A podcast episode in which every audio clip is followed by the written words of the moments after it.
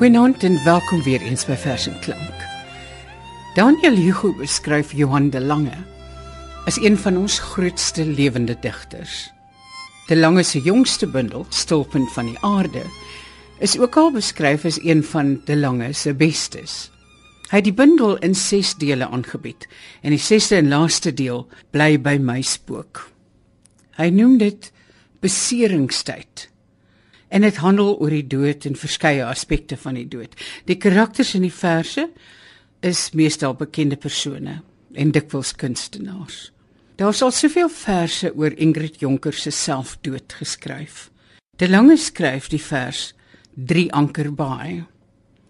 Die sneller daarvoor is 'n vers van Tom Gunn waarin hy die seedood van Byron en Shelley min of meer vergelyk. Ingrid Jonker omhels hier die seebamboes en smag na die dood terwyl Wolraad Woltemade en ander veg teen die see se moordlus.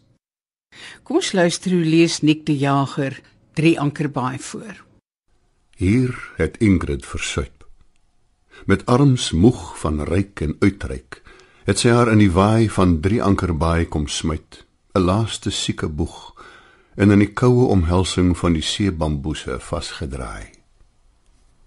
Daar was ander swemmers, vissers, skafuit en matroos wat soos een man geveg het met arms oop gesprei om met elke ruwe onderdompeling onverpoos sening en spier in te span met asem wat uit rou longe skree.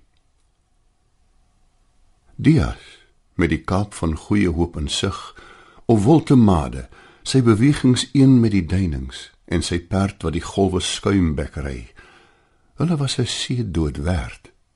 Verkenners, waaghalse met helde daad en ongeag die skade, het hulle met spandabelre gemoed iedereen in nood verlig en wat kosbaar is, getransformeer tot helde dood. Nik die Jager het Johan de Lange se vers Drie anker baai voorgeles. Die veelbekroonde Johan de Lange was gefassineer toe 'n nuwe foto van Emily Dickinson ontdek is. Emily Dickinson, 'n daguerreotype. Uiteindelik is jy van 'n gefikseerde jeug bevry. 'n Tweede foto, die van jou en 'n vriendin, het onlangs aan die lig gekom. Sy pas 'n weduwee, steeds in rou klere, met jou linkerhand wat simpatiek tussen haar skouerblaaie rus die trek om jou mondhoeke onpylbaar. Jou hare met 'n reëlregte middelpaadjie is agter 'n streng wrong saamgevat. En jou geruite rok was toe reeds ouderwets. Op die vroeë foto lyk jy jonger, 'n blat gesig nog onbeklad.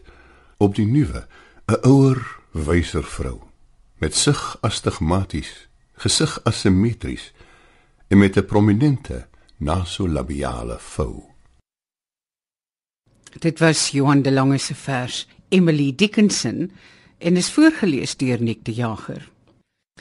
Die volgende vers se titel is Die ander kant. Dit gaan oor die dood van Johannes Kerkorrel. Johan de Lange skryf: Ek het baie lank gewag om oor my vriend Kerkorrel te skryf of eerder om wat ek geskryf het te publiseer. Ek het 'n siklus van 7 gedigte geskryf en hierdie vers is die derde deel wat ek daaruit gebruik. Kom ons luister daarna. Dis aangrypend. Jou laaste songs het somber ondertone van 'n finale kleuterrepetisie. In die ander kant sing jy in sober swart, ontwapen voor jou demone in 'n naamlose bos in en uit fokus met oë wat ontroosbaar pleit. Sommiges onder ons weet voortydig van ons dood.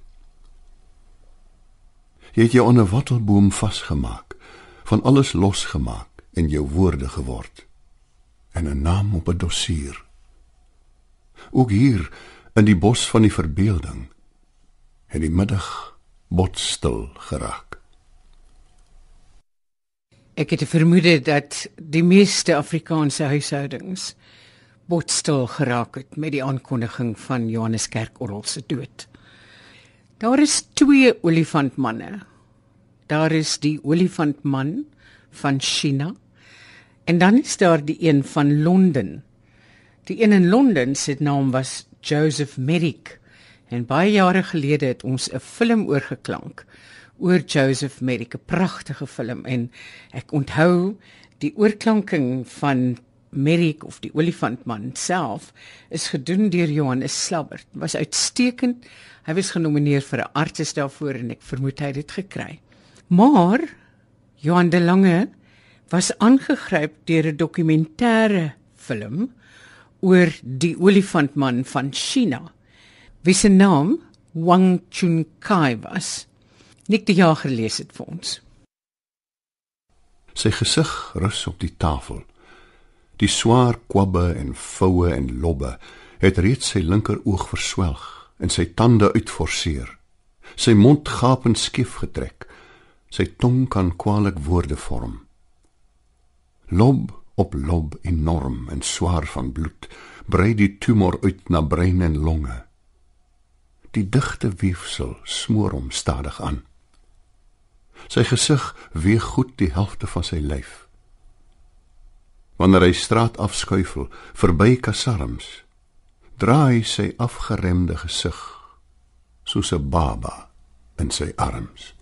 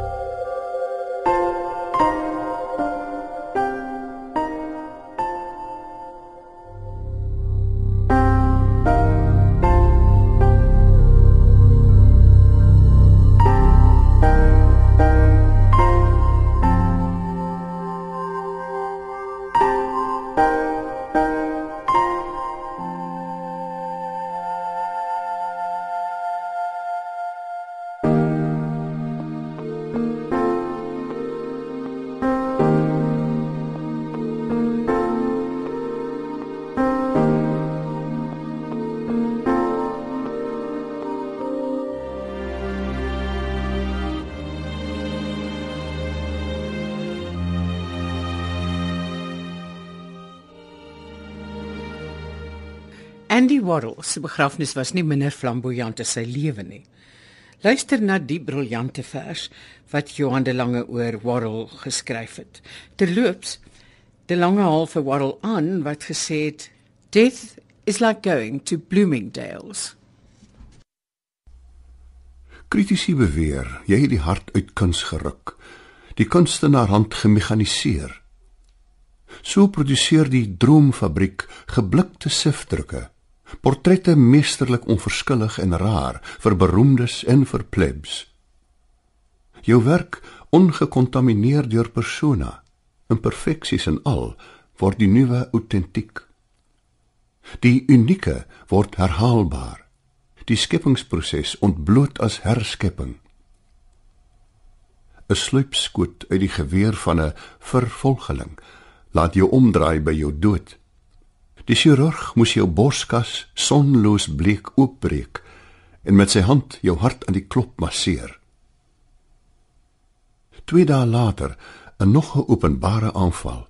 Steel Robert F Kennedy die kalklig deur sy moord en openbaar die lewe word eers werklik wanneer dit op TV afspeel. Jou sifdrukke is gestolde TV-beelde of die rampies van 'n filmspoel, een na die ander onversadigbaar. Jou kusdeksel was bedek met wit rose en 'n sproei katbos. Soos 'n farao van ouds word jy toegerus vir die reis oos. In die kus het een 'n interview en 'n interview teehemp gelos. 'n Bottel van Estée Lauder se Beautiful wat nooit verslaan. En in jou koue hande 'n gebedeboekie en 'n enkele rooi roos. Selfs jou dood is gesindikeer. Jou kus van soliede brons, die kulreëlings goud beslaan, wit stoffering binne, geen uitgawe te groot. Keurig in kasjmierpak, paisley das, platinum pruik en sonbril. Alles haar fyn uitgewerk. Wou jy seker maak niks loop skeef met die laaste enigste ongetekende sifdruk van die dood. Die aankondiging van Pavarotti se dood het idees gebring vir 'n nuwe vers by Johan de Lange. Hy sê dat hy nie regtig 'n opera liefhebber was nie, maar hy was gefassineer deur Pavarotti se mm, passie vir alles, passie vir die lewe, vir kos, vir seks, vir alles. Die groot Luciano Pavarotti is dood. Stil 71 jaar na sy eerste asemstoot sy volgehoue hoë see, gewigtige register, voorliefde vir ryk disse en bywywe tussen bedrywe, is vir die bebaarde, bejaarde, vermaarde vermaker verby. Sy omvang imposant, alles groter as lewensgroot, tot by ventjies, die wit servetsakdoek. Hy was glo 'n goeie pokerspeler maar voor massiewe sokkerskares het hy hard op die mou als aan gees en vlees gegee. Party sê hy het opera verbaster, maar dis laster. Hy het sy gawe gul uitgedeel. Sy hand bedrewe teruggespeel. Dit was Johan de Lange se vers oor die afsterwe van Luciano Pavarotti. Ons lees vanaand verse uit Johan de Lange se mees onlangse bundel naamlik Stulpunt van die aarde wat by Human en Resou verskyn het. Miskien is daar vir mense wat bang is vir die dood.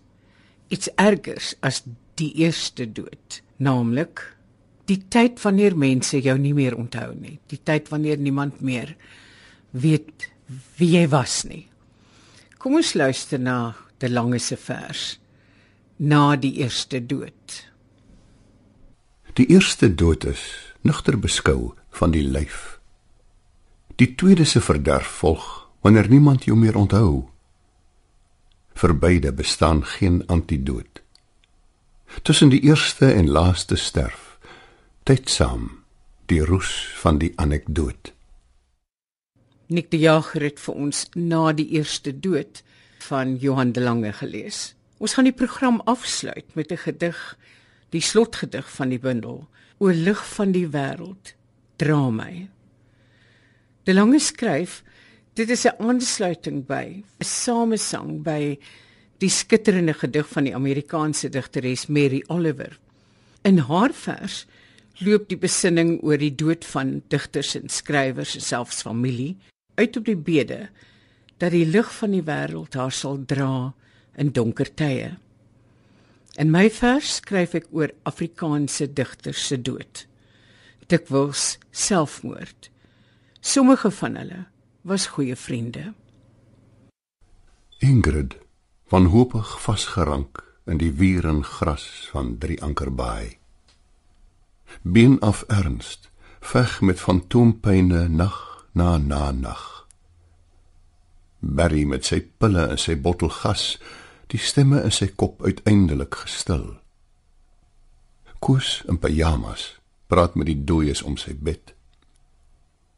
Eugène Marais, buite in die reën met die dubbelboor, het die slang wat hom in die aar gebyt het, opgespoor. Stefan, sy pyn privaat, onverhoeds en alleen op sy dubbelbed betrap. Kasper, in 'n hospice buite bereik van sy antwoordmasjien. Ralf vroeg en wurg eensaam in 'n bitter wattelbos. Ina uit haar verlate tuin verban waar voëls nie langer sing en onkruid gedei. En Sheila, broos en halfblind, die gelouterde lyf op laas bevry, moet alleen die vlammende oortog maak. O lig van die wêreld. Dra my. Mm -hmm.